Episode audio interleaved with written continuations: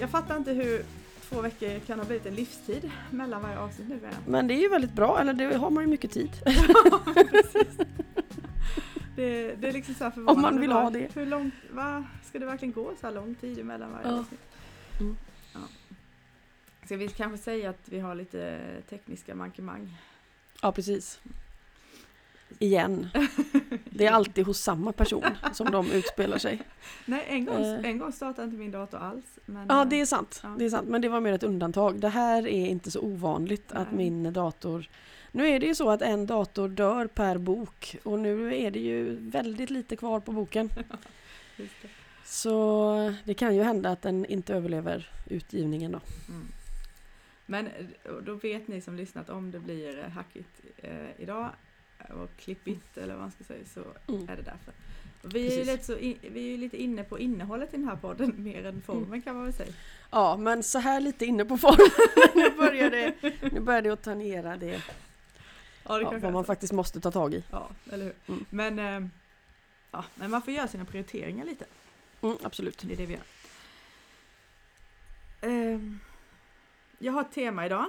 Ja. Att diskutera. En, en, ehm, en iakttagelse jag gjorde över mig själv. Som jag tänker kan ha implikationer för dem i min omgivning. Mm. Eh, som kunde vara intressant kanske att tala om.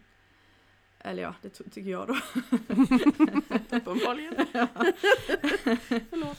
Eh, nej men jag har tänkt på det här att jag ofta tar för givet att jag kan vara relativt trygg på en häst eh, som har en traditionell utbildning. Mhm. Eh, och då med Alltså det, det kommer ju delvis med eh, egen liksom idé om vad jag skulle göra om någonting skulle hända och så vidare. Mm. Men eh, ja, det, jag märker att jag har det så även om andra kan tycka att ja, men den här hästen är lite si så. Så, så känner jag att ja, men det är inga problem.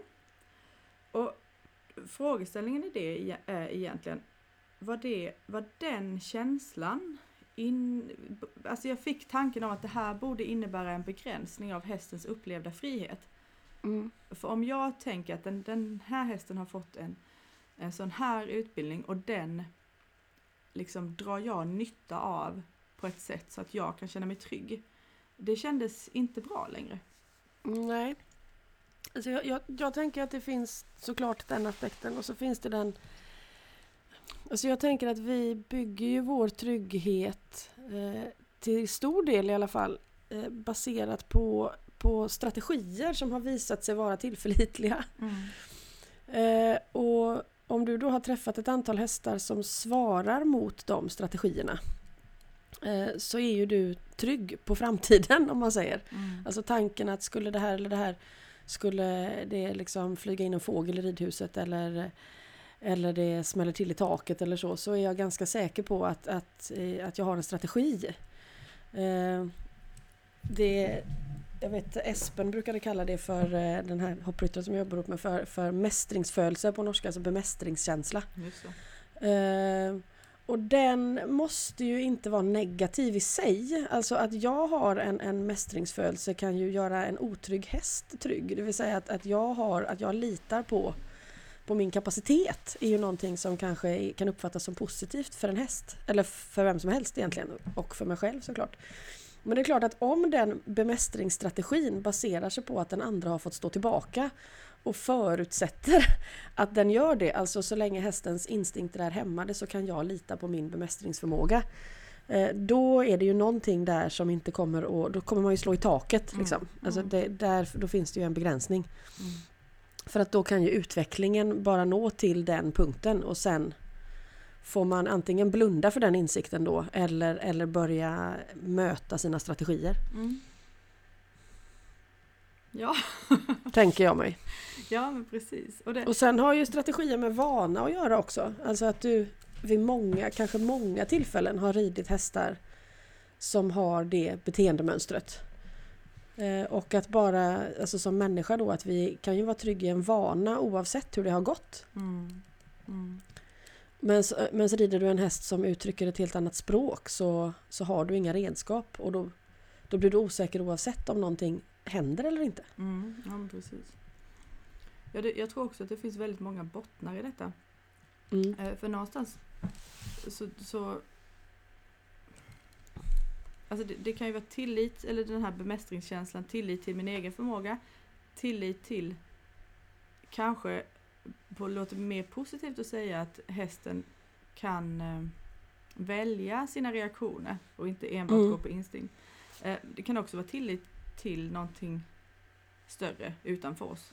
Mm. Ehm, Ja, det är ju de två alternativen som skulle kunna vara i vad man då skulle säga positiva, det Mm. vill säga att hästen uttrycker ett val och inte en undanträngd instinkt. mm, Eh, ganska ovanligt skulle jag nog säga att en häst har fått den träningen. mm, Eh, det, det samtalet har vi ju eh, vad det gäller polishästarna i Göteborg. ja. Som, som uttrycker att de upplever sig ha ett val. Alltså de har, har på ett ganska tydligt sätt inte minskat sina instinkter men klarar ändå att stå kvar utanför Ullevi när det är kravaller. Mm. Eh, Och det är ju jätteintressant för att eh, de har ju eh, kunskap på det området som vi inte riktigt har hittat praktiska möjligheter att sätta oss in i. Alltså det vill säga jag behöver spendera mer tid där vid rätt tillfällen helt Mm, enkelt. mm. För att vi vill förstå det här mer. För att om de har en nyckel till det så skulle ju det kunna hjälpa väldigt många andra hästar som, som vars träning baserar sig på att de har gett upp sina överlevnadsinstinkter helt enkelt. Precis. Och det har de här hästarna inte gjort.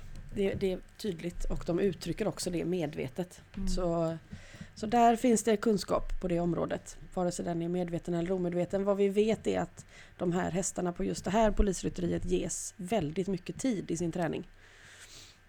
Och att det förmodligen spelar in. Mm. Ehm, det och att det finns mycket empati runt om. Mm. Men om du jämför det med eh, hästarna hemma hos dig eller hästar du träffar Mm. generellt. Eh, är det, är, eller det kanske du sa att det är väldigt ovanligt att, att kunna välja. Ja, jag skulle säga att det är ovanligt. Mm. Eh, där- därför att vi, vi utgår inte ifrån det. Vi utgår ifrån att någon slags idé om att en häst som har slutat reagera på saker i sin omgivning uttrycker tillit för sin människa. Eh, och vi vill ju att hästar ska lita på oss. Liksom. Och att det, det är ju en bra sak. Det är ju ett av de målen som de flesta som håller på med djur vill uppnå. Att, att djuret känner tillit till en själv. Eh, men eh, att ge upp sin egen förmåga till överlevnad är ju inte per automatik ett uttryck för tillit. Ganska sällan. Eller det, de det är kanske inte olika går att ha i samma rum. Nej, ja. precis. Det är två helt olika saker. Eh, Så att en, en häst fortsätter att reagera på prassel bakom en buske även om den har en mycket bra relation till sin ägare. Det, det är som du säger, det har inte med varandra att göra. Mm. Eh, Det kan till och med vara så att den hästen som verkligen bryr sig om sin, sin människa som sitter på också vill få bort den ifrån en eventuell fara. Mm. Så det... ehm, Däremot så skulle jag kunna kontra hästens reaktiva, alltså hä- hästens omedelbara reflex med att, att jag kan se till andra sidan busken eller, eller jag har en, en, en, eh, en infallsvinkel på det här som skulle kunna hjälpa våran, våran gemensamma reaktion. Mm.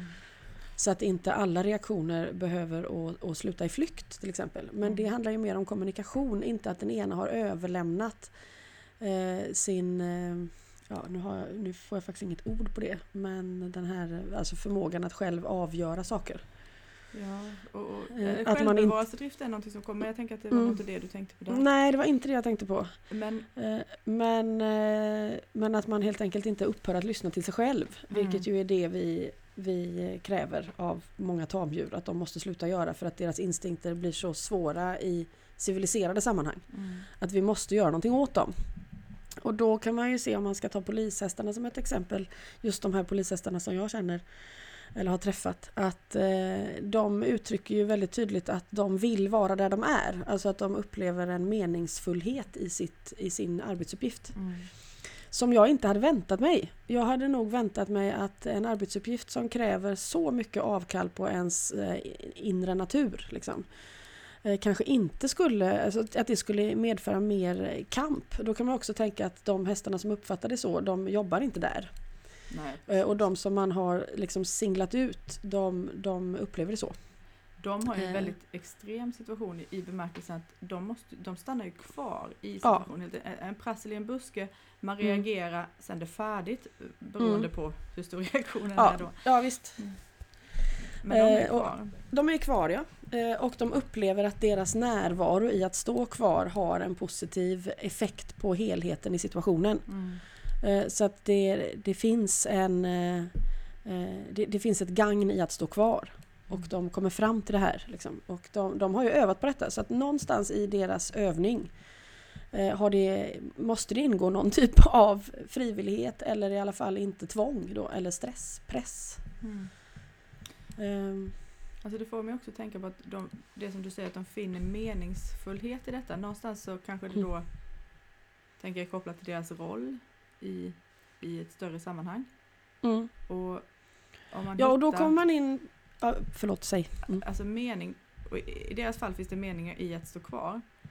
Men i någon annans roll kanske, som är mer reaktiv, då finns det en annan mening som ger andra utfall. Nej men jag, jag tänker att det, det som eh, försvårar det tror jag när vi ger oss på deras instinkter är ju en idé om att för sakens skull, alltså du ska stå still för att jag har sagt det. Eh, eller du ska vänta med att gå tills signalen kommer ifrån mig. Alltså att vi blir eh, vi upplever att vi gör rätt när den andra inte tar initiativ utan att initiativet kommer ifrån mig eh, och blir bemött. Det är då vi får beröm av ridläraren i den traditionella liksom, i, den traditionella bemärkelsen. Och det, det kan även jag träffa på ibland på ryttare på träning som, nu, nu var det länge sedan men där man övar in ett visst moment och sen och sen har hästen hittat det och blir glad och prövar själv och var på ryttaren drar i tyglarna och tvärnitar och nej nej nu gjorde han det ju före mig. Mm. Liksom. Att det är någonting eh, i oss som, eh, som eh, vi uppfattar något slags fel när initiativet inte kommer ifrån oss.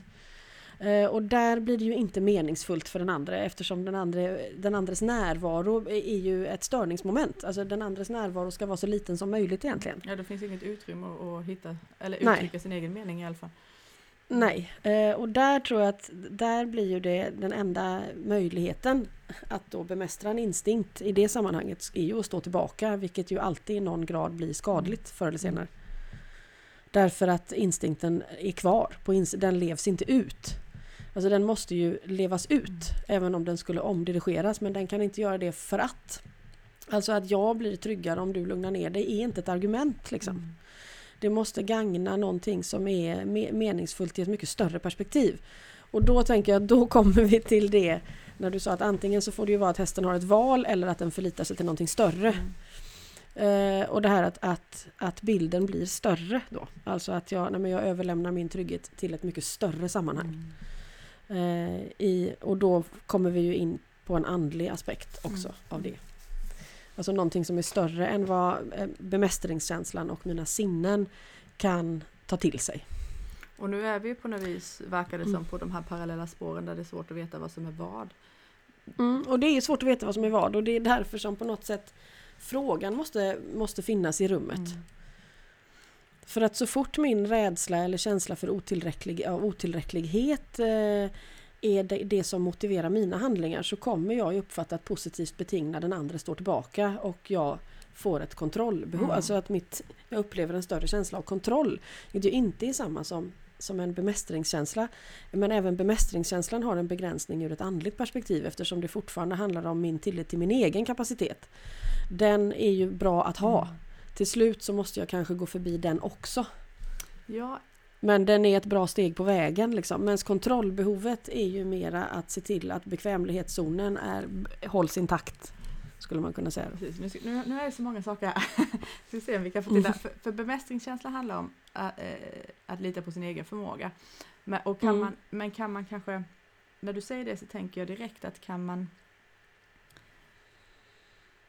där, om man i det utvidgar jaget eller förståelsen för jaget. Om Mm. jaget inte bara är jag utan just, just Precis! är Mm. också allt. Helheten. ja, exakt. ja, ja, först, först den andra och sen kanske situationen och sen ja, till slut Ja. till slut, ja, i slutändan alltet ja. Och sen är ju då, sen, är ju, sen kommer ju egentligen då nästa steg är frågan om gudsbild. Är gudsbild, Gud, är Gud allt eller är han, han? Ja, Ja, där kom det. jag har varit på familjegudstjänst, jag kan inte hjälpa det. Um, ja, någonting ytterligare utöver då. Eh, ja. ja, och den, den, där frågan blir ju då omöjlig att svara på för någon annan än själv. ja, ur, ur, något annat perspektiv än, än ens eget. Ja. Eh, för då är man ute och härjar. Ja, och, och, det, och egentligen igen då så är ju inte mm. svaret det intressanta utan att frågan ställs. Eh, att frågan ja. ställs ja. Eh, men egentligen så tänker jag kanske att vi ska backa bandet lite. Jag tycker det var en bra, mm. bra exempel du tog där med att det prasslar i buskarna. Mm. Eh, för då, om jag beskriver den situationen med de flesta hästar då där jag, där jag känner den här, vi kallar det tillit. Eh, mm. De allra flesta hästar som överhuvudtaget gör eh, eller visar upp en fysisk reaktion på det där hoppar mm. iväg några steg eller skyggar åt sidan och sen, sen är det färdigt. Mm. Och, det, och det säger allra flesta hästar, inte i bemärkelsen allra flesta utan bara det vad jag har upplevt då. Mm. Um, och det är då en del av det som jag tycker mig kunna um, vara kvar i. Eller, alltså det är inga problem.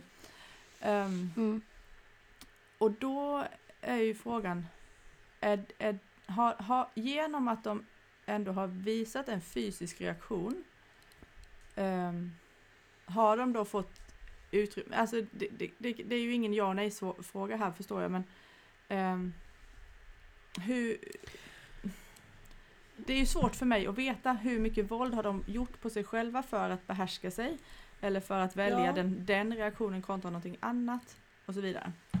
Jag, jag tror att, att man får um, jag vet ju inte om vi har pratat om det här på podden eller inte men upprepning kan ju alltid funka. Men jag tänker att man får försöka börja med att se hur, hur uttrycks en, en reflex när den är i balans. Mm. Um, och då kan man ju säga att en väldigt hög grad av plötslighet för ett flyktdjur är ju en väldigt, det, det är en hög balans i det. Att, att jag kan reagera från 0 till 100 liksom, på en bråkdel sekund är verkligen mm. friskt. Mm. Uh, och, och i och med att det är det och stärker mina, min möjlighet att överleva så blir jag inte rädd för den reaktionen. Alltså den reaktionen gör mig trygg. Precis om jag är ett flyktdjur. Och det är där vi har ett, en väg, ett T-kors då med människan. Jag blir inte trygg av den oförutsägbarheten. Och heller inte av hastigheten egentligen. Utan för att jag ska bli trygg i det så måste man ha vant sig. Då måste jag ha, ha varit i den situationen så många gånger och överlevt att den inte längre utgör ett hot. Det vill säga det har uppstått en bemästringskänsla. Jag har upplevt det här många gånger, det har gått bra, det är okej okay för mig att den här hästen gör så här.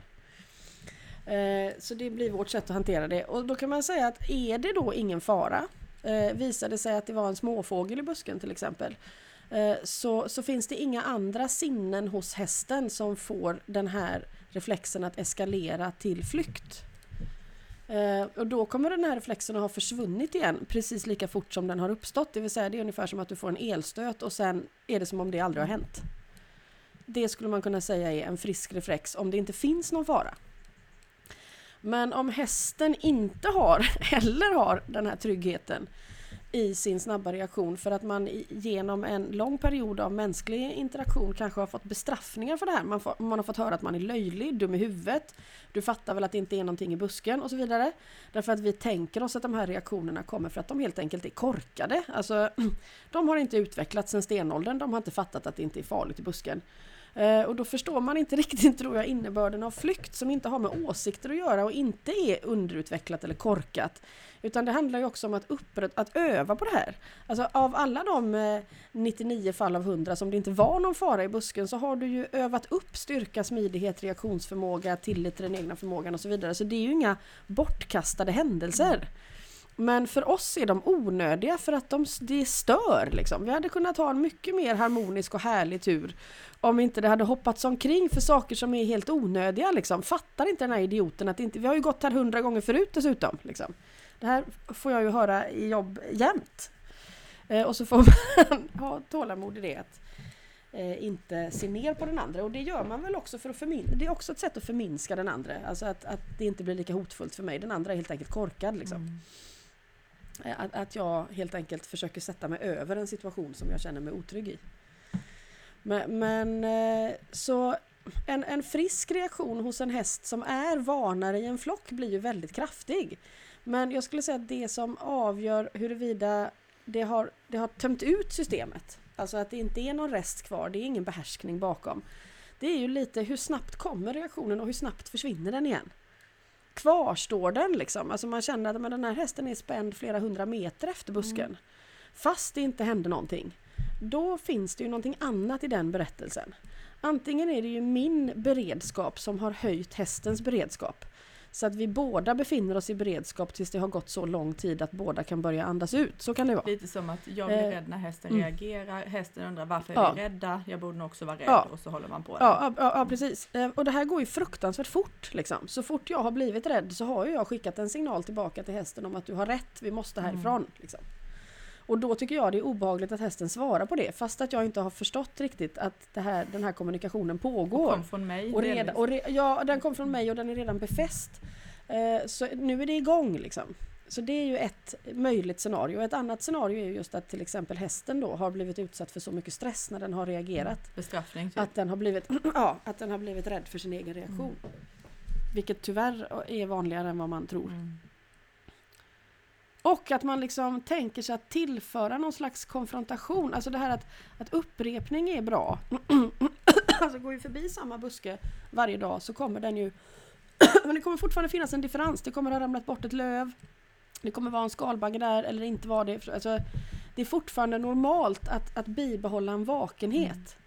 Mm. Men reaktionerna är kanske mindre explosiva när man har vant sig. Eh, men vår idé om att kanske så här, men då tvingar jag ut till exempel ett ridhus. Det finns alltid något hörne där det är liksom någon jacka eller någon uppsittningspall och lite spön och lite bös liksom. Och det finns alltid blinda vinklar in i det där hörnet som vissa hästar vill undvika och då är de ju dumma då. Eh, och att man helt enkelt ja, tillför ett smäll med spöet eller skänklar ut dem ganska hårt för att liksom, men kolla nu då, se det är ingen fara. Eh, då har man ju verkligen befäst en känsla av fara. Ja, Därför att det här att pressa fram individen till att se eh, är inte en bra... Alltså där är enda, enda sättet att få en häst lugn av det, det är ju att den, att den stänger av helt enkelt. Mm. Att okej, okay, det, här är, det här är för mycket. Jag kan inte, jag kan inte bemästra både hörnet och ryttarens ilska så att jag, jag, jag försöker inte överleva längre, jag stänger ner. Liksom. Och det lär väl inte ta så lång tid innan hörnet inte är grejen utan det faktum att varje gång jag är här får jag stryk. Ja. Alltså det är ju inte det, det räcker med en, det räcker med en ja. gång. Så att det här att få ut hästen i hörnet för sakens skull så att den lär sig. Skulle man kunna säga ur ditt perspektiv med din fråga, är det ett undanträngt minne eller inte? Alltså är det en undanträngd reaktion eller inte? Ja, där blir det ju en undanträngd reaktion. Det kan inte bli någonting annat. Nu, nu förstod inte jag. Jag förstod inte vad min fråga var då. ja, du hade ju en fråga i början där. Hur vet jag om hästen har, eh, har bara stoppat ja, tillbaka sin reaktion? Just det. Ja. Mm. Eh, och i det fallet så kan man ju säga att där, där är det ju det som har hänt då. Mm. Men som vi helt enkelt eh, tänker att det är normalt att hästen reagerar på det här hörnet. Det beror inte på att jag är en dålig ryttare som har tillfört eller en dålig ledare eller hästen litar inte tillräckligt mycket på mig utan det är normalt för ett djur som är skapt, designat på det här sättet att, att uppleva en viss beredskap i det här hörnet. Alltså behöver inte jag bry mig om det.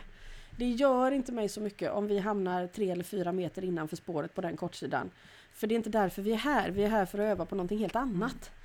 Mm. då skulle hörnet efter en viss tid för de allra flesta individer börja neutraliseras. För vissa individer aldrig och förmodligen de som då skulle ha en starkt varnande funktion i en flock. Mm. Och det är då man får fråga sig, måste vi vara i det här hörnet? Är det här nödvändigt? Är det här en häst? Har vi samma mål? Vill vi det här båda två? Alltså, hur ska vi göra för det här? Eh, men idén om att det brister i ledarskap eller tillit är ju det, det är helt andra ämnen. Liksom. Ja precis, det, det, är helt andra ämnen, det håller jag med dig om. Mm. Uh, för jag, det jag tänker på är, för nu har jag pratat om att, att, att det finns då, att jag kan uppleva en, uh, det är svårt med ord, men vi säger vi upplever en tillit, tillit uh, med en mängd hästar, även sådana som jag aldrig har ridit på men som jag har sett i liksom så. Eh, mm. i, jag har sett dem typ. Eh, mm. men, men så kan det också komma eh, individer där, där det finns snarare då en brist på upplevd tillit. Mm. Och då eh, kan det vara spännande att fråga sig vad det då beror på. Då kan det ju, mm. tänker jag, som första sak som jag tänker på är att det kan bero på att det är inte det kan vara en signal om, ett, eller en kommunikation om att det är inte läge just nu. Och sen kan Mm, det väl vara en absolut. myriad andra saker, men, Mm. men eh, som utgångspunkt Ja, att för prata. frågan, Mm. absolut. Frågan som man behöver ställa sig där är ju helt enkelt, är det här någonting jag ska ge mig in i?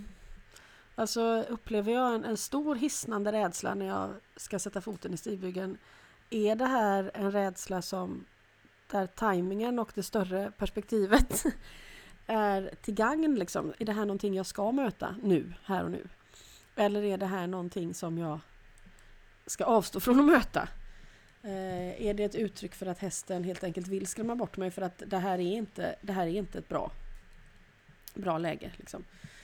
Eh, eller är det så att, att min egen rädsla är så stor att det finns ingen mening med att gå in här? Eh, I, I hästvärlden är man ju ganska hård med att man ska på rädslorna. Liksom. Eh, det, det, det ska mycket till innan man sänker hindret för en häst som har blivit rädd för att hoppa. Eller man får ha ramlat av ganska många gånger på samma häst innan man tycker att nej, nu kanske du ska klättra upp en gång till. Det kanske inte ger något längre. Att det, fi- det finns ju en viss eh, machokultur kring begreppet rädsla. Som gör det lite svårt att avgöra vad som är vad. Eh, och sen finns det ju också det, den aspekten av rädsla och ångest som förstärks av att man inte möter den. Mm.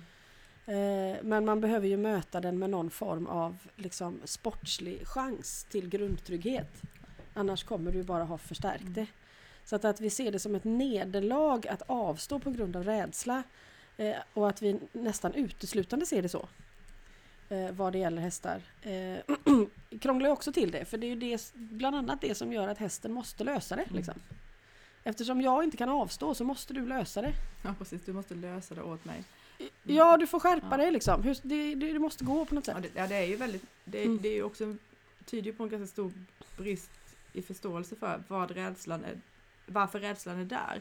Det, det är Mm. som en designad i hjärnan för att vi ska överleva. Mm. Eh, eller den är till för att vi ser till att vi överlever. Eh, Mm. så, och då, då är vi tillbaka på, eh, på det som du har pratat om i många poddavsnitt, att man måste vänja sig. Ehm, Mm. Alltså man måste successivt ta steg eh, för att närma sig rädslan så att den inte längre eh, är så paralyserande. Eh, Mm, utan precis. att den, den är, hålls på en eh, hanterbar nivå och så utökar man det här Mm. rummet då. Mm. Ehm, Och då behöver man ju någon form av förståelse. För jag tänker att den här rädslan kan ju gälla både hästen och människan. Mm. Ibland båda. också båda såklart. Eh, Men, eh, men man förtjänar ju att bli liksom empatiskt bemött i den. Att man inte får höra att eh, man är dum om man är rädd. Mm. Eh, Vilket hästar väldigt ofta får höra. Och, men inte helt ovanligt att människor också får Mm. höra. Och det gör ju bara rädslan ännu större. Ju mindre vi lyssnar på rädslan Ja. desto högre måste hjärnan skrika för att hålla oss vid liv. Så Ja, om man säger att liksom någon grad av tillit till, till den egna kapaciteten är nödvändig för att man ska våga möta en rädsla på ett konstruktivt sätt. Mm. Så försvinner ju den om man får höra att man är dum i huvudet. Alltså, det kommer inte göra att jag känner mig mer kapabel. Och kanske framförallt inte om det kommer från en individ då som egentligen borde vara där för att lyfta upp en. Mm, ja, precis. Mm. Så att, och mycket liksom, om vi nu tittar på ett traditionellt förhållningssätt till hästar, det är ju ganska militäriska former det utspelar sig under. Det är ju bita ihop och gör det liksom. Det, det är ju under förändring, men det är ju inte så att problemet inte finns.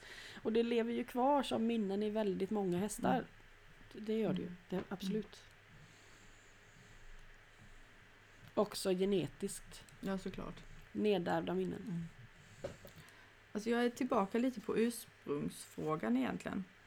Mm. Ehm, och då för att, att, att ha den här känslan av att ja, men jag kommer vara trygg med dig. Mm.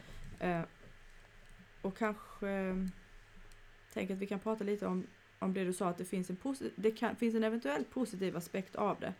Om hästen behöver den känslan av låt oss kalla det stabilitet. Mm.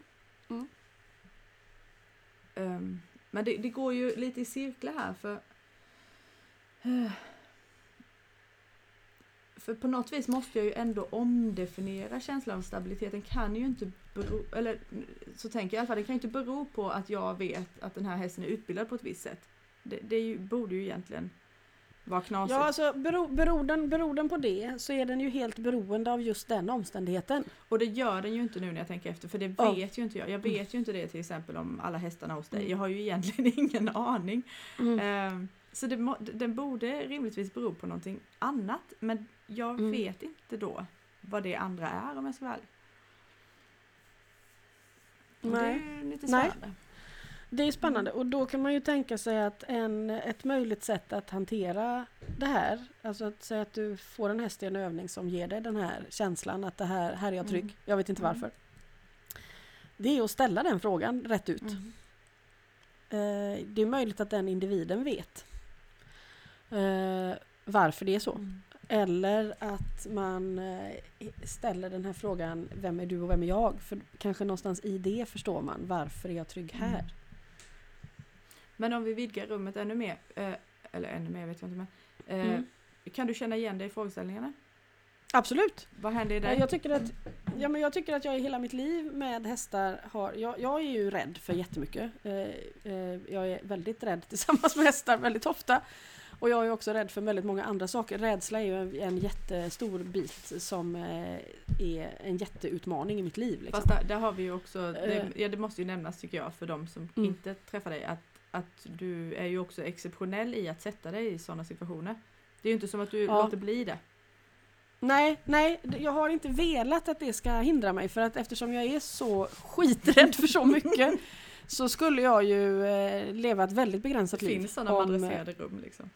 Ja, ja, jag hade ju hamnat Mm. där. Det, det liksom, och jag vill dit emellanåt Mm. också. När, I perioder när den här rädslan slår över i panikångest och så, Mm. så vill man ju eh, inte konfrontera någonting. Såklart. Men, eh, eh, Eh, så, men så är det med mig, så man kan ju i alla fall veta det. Att det är inte så att jag säger det här för att jag är helt enkelt är en lugn och trygg person. Det är inte det det kommer ifrån. Eh, men eh, att, absolut att vissa individer känner man omedelbart en trygghet med fast det inte finns någon logik i det. Och i motsvarande grad vissa individer känner man ingen trygghet med. Och det finns ingen logik i det heller. Det kan vara en jättelugn individ som man eh, som jag, man till och med kanske vet då, men den här har ju aldrig gjort så här. Varför, varför tror jag Mm. det? Alltså varför triggar den här hästen detta i mig? Eh, och då tänker jag att det, det handlar ju om djupa, liksom, undermedvetna vägar, spår som korsas.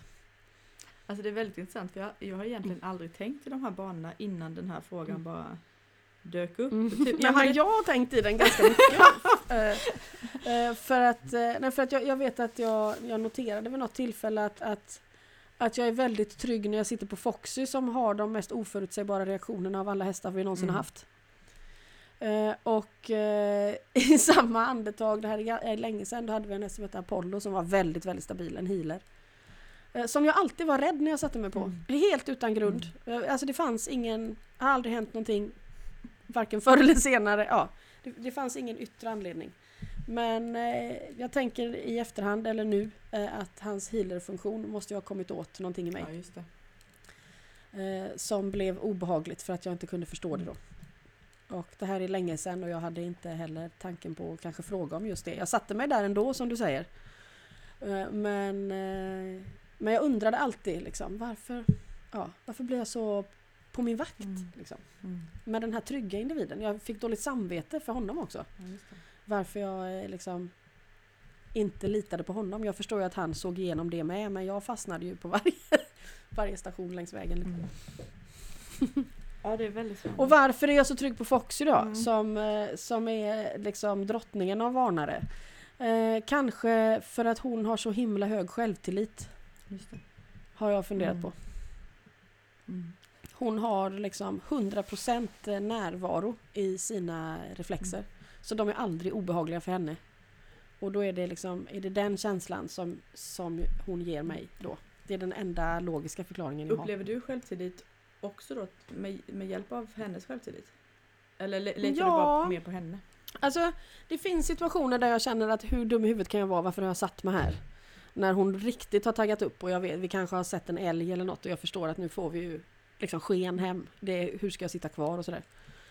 Eh, men, eh, Men apropå Espen så, så fick jag ju liksom ett budskap av honom i en sån situation på just Foxy. Där han säger att, eh, jag tror vi kan ha nämnt det här, men du trodde ju att det här var möjligt när du satte dig där. Nu måste du bara tro att det är möjligt men medan det pågår. Ja, den är bra. Ja, den är väldigt bra. Eh, så den, eh, den, den försöker jag verkligen med. Du hade inte satt dig där om du verkligen inte trodde att det var möjligt från början.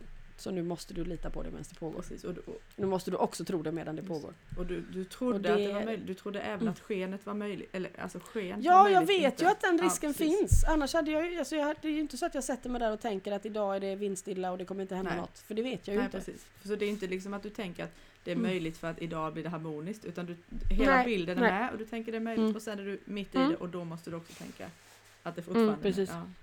Mm. Mm. Och så gör jag ju liksom saker för min egen, eh, alltså som höjer oddsen från min sida att klara det. Alltså rätt kläder. Eh, så att jag liksom har en chans, inte, jag rider kanske inte henne med den största overallen, jag har gjort det några gånger men då blir det ju väldigt halt. Stigbyglar har du oftast på. Eh, stigbyglar har jag och en viss typ av stigbyglar som vänder sig rätt om jag tappar Mm. dem till Mm. exempel. Vi har enats om sadel och stigbyglar för annars måste hon ju begränsa sig jättemycket. Mm. Eh, för att hon är så hög och spolformad och har hög manke och så. Eh, men eh, så vi har ju liksom kommit överens om hur vi ska lägga upp det. Eh, men utöver det så tycker ju hon att jag får stå mitt kast liksom. Och är jag inte beredd att göra det så får jag avstå. Mm. Och det tycker jag är sportsligt korrekt. Mm, absolut. Skulle hon, Och där blir det också väldigt tydligt att hennes reaktioner har ju ingenting med... Alltså hon ska ju inte förlita sig till mig i skogen. Det, det ska hon ju inte. Det är mycket rimligare att jag förlitar mig till henne. Mm. Hon har ju 100% bättre koll än mig. Ehm, jag antar att det, det ändå finns hästar som säger att du avstår. Har, har ni Mm. lyckats hitta folk? Eh, finns det några utöver dig som du kan skicka upp på de hästar som du eventuellt Ja. avstår ifrån? Alltså det, hela, hela, allting här hemma fungerar Ja. så. Alltså vi har ett antal hästar per man liksom. Som ingen annan eh, ger sig i kast med. det finns hästar som bara Mohammed kan leda på en flytt. Eh, Det finns hästar som bara Sara kan sitta på eller, eller leda eller lyfta upp hovar på. Det finns hästar som bara jag sitter på. Mm. Det finns hästar som bara Lisa kan hantera eller sitta på. Alltså, eh, vi, jag tänker att man får ju släppa prestigen. Eh, och, och, alltså, vi har ju alltid haft en stor andel hästar som jag inte klarar att varken sitta på eller leda eller hantera. Jag vågar inte gå in i hagen och hämta en annan häst om den hästen är nära. Så är det Mm. också. Och då är det till exempel, det räcker ju att någon kan göra Mm. det. Bara någon av oss fyra ansvariga vuxna eh, kan göra det som är nödvändigt för att upprätthålla hälsa hos den individen. Eh, det vill säga kunna följa med på en betesflytt, kunna verka fötterna. Mm. Liksom. Det är väl det, det är de basala nödvändigheterna. Eh, Och sen de som vill bli ridna då, att det är bra att det finns någon. Och ibland så får man ju ta in någon utifrån som har precis den kompetensen Mm. då. Eh, Men att lösningen ligger ju inte i att en av oss måste klara det med alla de här 65. Nej. Det, det kräver ju någon form av superhero liksom, eller omnipotent människa som inte finns och det skulle också vara helt meningslöst. För att det finns ju någonting i att vi, vi är beroende av Precis. varandra för att klara av det som är väldigt väsentligt. Att det finns ingen som är eh, kung eller chef. Liksom. icke-hierarkin kommer ju liksom i praktiken där, antar jag. Mm. Det här var egentligen det som jag tänkte skulle prata om idag och det eh, handlar om, om just kanske flocken. Men det, jag tycker det, Mm. det förtjänar en, ett eget avsnitt nästa gång. Eh, Mm. Men det är ändå intressant att vi kommer in på det. Därför att jag, Mm. ehm, eh, jag pratade med Susanna om det också, hur mycket hur tydligt det har blivit för mig de senaste månaderna och jag vet att du har ju pratat om detta länge, eh, just hur vad mycket som sker när fler individer är inblandade i varandra. Om man säger fler Mm. människor eh, träffar hästarna här eller ja, så helt enkelt. Det, det är väldigt, väldigt spännande. Ja, det lyfter ju fram helt nya aspekter av varje individ. Mm. Jag vet, jag har suttit nu för eh, ettorna ska ha posttraumatisk stresshelg eh, nu. Mm. Eh, och denna gången så har liksom hästarna, för när ni hade det så, så beskrev hästarna det då. Alltså då, jag läs, Mm. ja, de beskrev det i stunden vad de ville arbeta med och nu har de förberett det lite innan så att det finns nedskrivet. För det kanske är lite mer praktiskt för oss som jobbar då. Eh, Eh, och det kommer fram liksom nya historier i det Mm. som, eh, som jag inte har någon aning om att det där ens har hänt med dem. Men antagligen för att de kommer att möta en speciell person i den övningen då som är exakt den, det prismat uppstår som gör att just den historien får ett utrymme.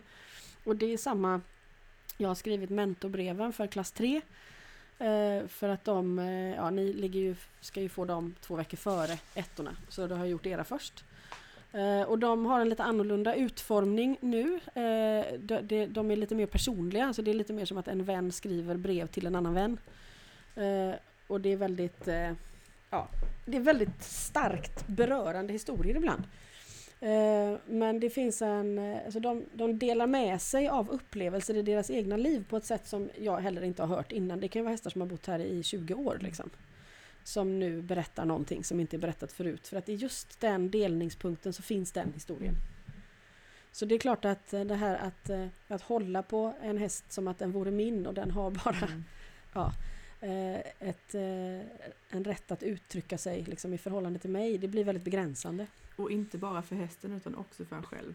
Alltså det får man Ja, ju absolut. komma ihåg. För man springer ju in i samma spegling hela ja. tiden. Mm.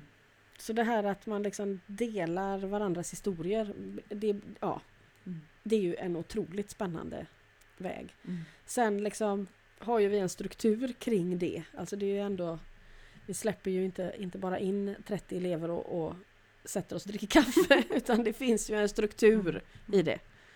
Eh, som jag tror är nödvändig för att utrymmet också ska få vara ostört. Liksom. Mm. Ja, jag är mer kaffedrickare Mm. men jag, jag tänker ju också att, Mm. eller förutom att jag inte dricker kaffe då men det kunde varit men, kaffe. eh, ehm, men det är heller inte så många människor då. När det, när det Ja, börjar på precis. den eh, eh, ja, bristen på struktur egentligen. Säga. Mm. Ja, och då är ju det vägen. Alltså jag tänker att det är ju inte att de här hästarna har valt många hästar och många människor i samma rum betyder ju inte att det är så det måste gå till. Ja, precis. Men de, de har valt just den formen just nu. Och just, just som, som deltagare i det så Mm. är det ju väldigt tydligt att i den konstellationen så är det ju extremt givande just att vi är många. Mm. Mm. Det tycker jag märks. Tydligt. Ja, jo det gör det. Det, det finns ju något, eh, ja. Eh, Just det där eh, att prismorna växlar. Mm. Liksom. Man hinner inte binda sig eller, eller bygga identiteter och relationer på det sättet. Ja, precis. Som vi förmodligen hade gjort annars för att bli trygga. Liksom. Mm. Så ja, det finns aspekter av alltihopa som är väldigt relevant. Men just det här att det kommer fram saker som man verkligen, oj jaha den här historien har jag aldrig hört. Mm. Liksom. Eller som för mig så är det oftast att Mm. det, det är nästan som att med en andra person så kommer en nyckel och dörrar öppna sig till, till, till, liksom, till de processerna som man kanske står i, både själv då Mm. och, och hästen. Mm. Och det är som att det, det accelererar liksom processen eh, på sätt som man aldrig hade kunnat tänka sig. Mm. Ja, definitivt.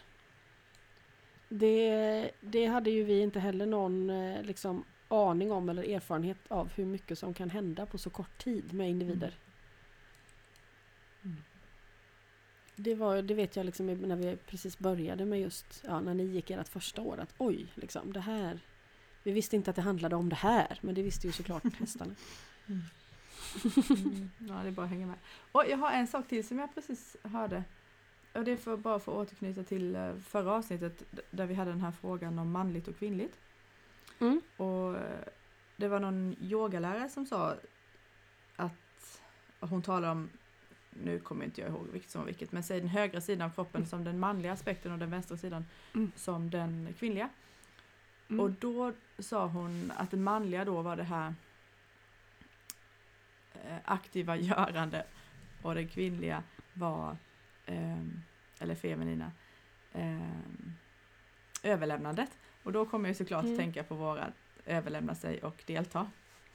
Mm, just och, det. och, och, med det här vill jag ju såklart, alltså det, jag tror egentligen att det, det får mig bara känna att det där som du sa om att hästarna tar det här så för givet, de behövs tillsammans. Det tycker Mm. jag bara understryker det egentligen, men det var ändå intressant att för mig i alla fall att dra parallellen till överlämnandet och deltagandet som tycker jag är väldigt centralt i det vi gör hela tiden. Ja, det är det absolut. Eh, precis, hela Mios koncept är på något sätt eh, eh, också punkten mellan överlämnande och eget agerande Mm, på något sätt. mm. Ehm, och sen och att de här motpolerna samverkar. Jag tror att det komplicerade blir när man väljer att kalla det ena för manligt eller kvinnligt. Att det väldigt lätt hamnar i en kulturell Mm, eh, i kulturella könsroller och då kommer man ifrån den här idén om att, att det är ju det som är utöver, så det som skapas av motpolerna som är det relevanta. Eh, och och säg, om du jämför två på samma sida då, att en kvinna är därför överlämnande och en man är därför... Alltså då det, har vi ju, precis. det, är, det är ja. punkten snarare Då- som är grejen. ja, det, Mm. ja, då har vi ju på något sätt eh, missat hela tåget Mm, känns det som. mm. Men det befäster ju, eh, kan ju då befästa en väldigt trygg världsbild möjligtvis. Men, men att precis det där, överlämnande och deltagande och balansen mellan Mm. det. Det går att hitta i varenda övning. Liksom. Ja, jag kan tänka mig det. Eller ja, det är så Mm. upplever jag det med. Ja, eh, du, du märker att jag famlar här efter ämnen. Jag tror att jag har, jag har uttömt eh, Behållaren är tom. Mm. Behållaren Ja. är tom. Men du har fortfarande inte någon aning om varför du är trygg med just varför just traditionell skolning skulle skapa trygghet. Nej, men jag tror att jag har insett eh, att det kanske inte var just det. Utan det var bara så Nej. som jag behövde uttrycka det för att ens eh, få fram den här diskussionen. Men, men jag blev Mm. också väldigt inspirerad av att verkligen ja, men att börja titta på det lite. Ehm, Mm. eh, För att just, just som du säger att det är inte logiskt eh, när, eh, när det ena eller det andra uppstår nödvändigtvis. Och, Nej, inte alls nödvändigtvis. och då, då blir ju det om, om jag då kan vara medveten om det så är det ju en, någonstans att börja ett samtal eller någonstans att liksom eh, få chans att se sig själv och den andra Mm. ifrån. Jag tänker också att hästar... ehm, väldigt mycket av det som har med hästar att göra handlar om balans. Alltså nu menar jag rent fysisk balans, att stå på benen. eller vad, ja. Eh, för hästen så är, är, är förmågan att balansera sig själv helt otroligt viktig. Ur överlevnadssynpunkt så kan man säga att ett rovdjur singlar alltid ut den som har störst chans eller risk att falla i en kurva. Liksom. Mm. Så en häst som har förlorat tilliten till sin egen balans kommer ju väldigt fort att förlora också tilliten till sin egen förmåga. Alltså, Mm. Och överlevnadsförmåga. Eh, och en häst som har den rädslan eh, och, eller som härbärgerar den och som håller andan i kroppen lite för att inte visa den svagheten eh, kommer ju signalera en otrygghet till sin omgivning. Mm. I motsvarande grad så kommer ju också en människa eh, som inte har tillit till sin egen balans väldigt snabbt att bli utmanad i förhållande till en häst. Mm. Eh, och då har vi ju liksom i brist på inre tillit då kan man säga. Om, om, om balans skulle vara att en, en kula trillar ner som den här balanspunkten under naveln på ryttaren att den liksom ramlar ner och sätter sig i bäckenet på rätt plats. Så gör den ju det på grund av att inget stoppar den från att göra det. Det, det är inte en aktiv handling att man sätter dit den. Utan man har tagit bort det som hindrar den från att sjunka ner. Så skulle man kunna säga. Mm. Eh, och, och det som hindrar den från att sjunka ner är ju, är ju våra överlevnadsstrategier, liksom våra försvarsmekanismer. Eh, att om jag inte kan lita på det här större, liksom, att jo, men, jag litar på välviljan i hästen eller min egen kapacitet, eh, eller min egen chans att lösa det om någonting händer. Det får vara det första. Och sen tar jag det vidare till något större och större och större. Liksom. Men om jag inte, inte kan lita på det så kommer jag ju att, att skapa någon slags ramverk så att jag kan hålla en, en ruta där jag har en chans. Liksom. Alltså jag spänner benen så jag klamrar mig fast eller jag spänner armarna och håller mig fast i tygen. Eller, ja. Jag kommer undvika alla punkter som påminner mig om svaghet eh, i mitt kroppsmedvetande. Eh, och det kommer hästen också att göra. Eh, det är väldigt vanligt att hästar undviker och kanske fullt ut lägga vikt på någon led. Det kanske inte märks, alltså det är väldigt sällan det märks eh, eh, Hörs det att det ringer hos mig nu? Nej. Nej, det hörs bara i mitt huvud. Eh, Nej, men... eh, ja, jag får väl nästan låta det ringa klart för jag kan inte prata när jag hör det. Det är, ditt, är det tinnitus Ja, jag skulle ha stängt av telefon, liksom? telefonen. Ja, så. Så, nu försvann den. Eh, Ja, nu har jag helt tappat bort mig tyvärr. Det var ju Du var, inne, Var var du var inne på det här rummet som människan skapar för att eh, hålla fast. Ja, just Nej, det. du var inne på Ja. eh, hästen som Ja. inte lägger vikt Ja. på en led och som inte Ja, märks. som inte lägger vikt på någon led. Det, det blir ju inte en hälta kanske, men det blir ju någon form av begränsning i, i att man inte tar ut rörelsen fullt Mm. ut. Eh, och så får man en massa liksom begränsande punkter Mm. där i, av brist på tillit i båda parter. Eh, och, och det gör ju också en känsla av att vad som helst skulle kunna hända och jag har inte en chans. Eh, Så det kan ju också vara hur du rent ergonomiskt hamnar på hästen. Liksom. Hur mycket litar du på din kropp när du sitter på den här Mm. kroppen? Eller står bredvid den här Mm. kroppen? Och i motsvarande grad för hästen. Precis. Att, eh, att om jag undviker en, en knäled för att det finns ett minne där och hästen också gör det. Eh, vilket hände på ett ekipage igår. Så, så eller vems knäled det var tror jag aldrig att vi riktigt kunde härleda men att det var ändå där någonstans det här lilla lilla hållandet av andningen där eh, gjorde egentligen att det blev som ett helt dominospel Mm, runt mm. det. Ja, men det är klart. Eh, och det är väldigt spännande när man har tillfällen där man kan då ha sorterat bort allting annat så att man möter just Mm. det. Att man får en chans att gå in i just den punkten. I det här fallet så är både hästen och ryttaren otroligt intresserade av att nå fram till kärnan. Så att driv, man behöver inte tillföra någon egen drivkraft hos dem. Eh, vilket också visar sig en otrolig energi hos båda parter så man behöver ha ett stort utrymme. Eh, och det blir en spännande bild att följa då. Men eh, man, man ska inte heller glömma sådana konkreta fysiska aspekter.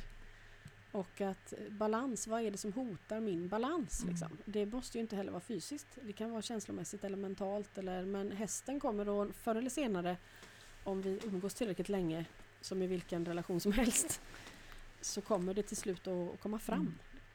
Alltså du, när, du, när du berättar allt det här så, så får det mig att tänka på en anekdot som, som kanske knyter ihop det lite. Dels det här med icke-hierarki och, och vad som händer när man är flera och sådär. Mm. Och igen då så är det ju Santos som får vara eh, stå pall för historien. Nej, vi, Mm, vi var ja. gick i skogen, jo, Tror jag Ja. hoppas. Mm. Josefin var med, med, hon hade Faula. Och så, eh, ja, så hade vi pratat om att han nog hade fått göra saker för andras skull. Mycket, Mm. Men så, så gick vi där och så sa jag, jag, för mig så känns det som att om jag ska våga lita på honom så, så behöver han lägga någon form av vikt på bakbenen. alltså han Mm. måste komma Mm. bak lite annars så klarar inte jag Mm. detta. Mm. Så, så går väl Josefin och grunnar på det här lite så säger hon du eh, utifrån vad vi sa innan så har ju, har ju han alltid gjort saker för andra. Så han, nu, Mm. nu kanske han måste bara få vara ute här och gå i skogen för sin skull. Du kanske inte måste Mm. vara med än. Jag bara, Mm. åh fan. Eh, och det, alltså, Mm. ja. Mm. Och sen är ju liksom en förändring då, vilket ju egentligen tyckte jag var jättekonstigt, varför kom det en förändring i Mm. det? Då, nu hade han ju då, okej nu hade jag fattat och fick han chansen att gå som han Mm. ville. Men då ändrade ju hela hur han gick bara för det. Mm. Och Faula tyckte nu går vi inte vidare, fattar ni inte vad som hände här? Mm. ja, det var Men jag tänker att det, Ja, och också jag tänker hans beredskap. Som ju, där det har varit väldigt konkret för honom i hans liv. Att klarar inte han att bära på en människa eh, utan att den ramlar av och försätts i fara så kanske han inte kan leva. Mm. Alltså då kanske han inte kan finnas. Mm. Det är ju hans historia. Så det är klart att om han inte längre behöver att ta hänsyn till det så blir det väldigt mycket lättare för honom att ah, Ja men då så. Ja. Sätta ner fötterna och slappna av och börja titta lite på träden Mm. liksom. Mm. Han, är, ja, han är extremt eh, Mm. eh, självgående ute. Mm. Eh, på ett sätt som förvånar mig då. Eh, Mm. Men eh, ja, det, ibland så får man ju det där bara som ett slag i huvudet. Lite, ja just Mm. det, fan, vad trög. Eh, men, men, och det spelar ingen roll, det är helt okej att jag är trög så länge det då finns Mm. andra som ser. Mm. Ja, och de kommer ju att, att synas också för dig. Antingen för att de vågar säga det eller för att du bjuder in dem eller för att, de får, alltså för att du vill se det. Mm, mm. Jo men det är klart, Så det är en det, del finns, av det. det, finns Mm. nog andra, det finns nog andra som ser hela tiden om vi tillåter dem att ta den platsen. Mm. Liksom. Ja det tror jag är jätteviktigt. Alltså det, och, det, och det är ju kanske någonting som man i alla fall människor emellan måste säga högt. Eh, och, Mm. och man måste också säga, det, det Josefin och jag har gjort i alla fall, det är att säga du, vi kommer klanta till oss i den här relationen. Jag kommer Mm. trampa dig på tårna, du kommer trampa mig på tårna. Antingen så, Mm. ja, det måste få lov att vara så om det andra också ska få plats för att annars så trippar Mm. vi trippar vi på tårna på ett sätt som gör att allting inte får plats. Ja, eller hur? För det är bara det som kan hända då. Ja, ja precis. Mm. Mm. Ja, spännande. Mycket. Känns som att det blev så här. Där var det klart. Klart där där. var det klart. Där var det klart. Ja. Ja. ja, om inget oförutsett händer, vilket det ju alltid gör på en livstid till nästa gång vi ska podda, så, så kan det hända att vi pratar om jaget, jaget och flocken nästa gång. Men man vet aldrig. Nej, man vet aldrig, men det finns en önskan om det ämnet. Ja. Och, och, men det är ju så skönt med det här, att det, eh, någon gång kommer det kanske. Alltså vi har ju ingen brådska. Mm. Tack så mycket. Tack själv.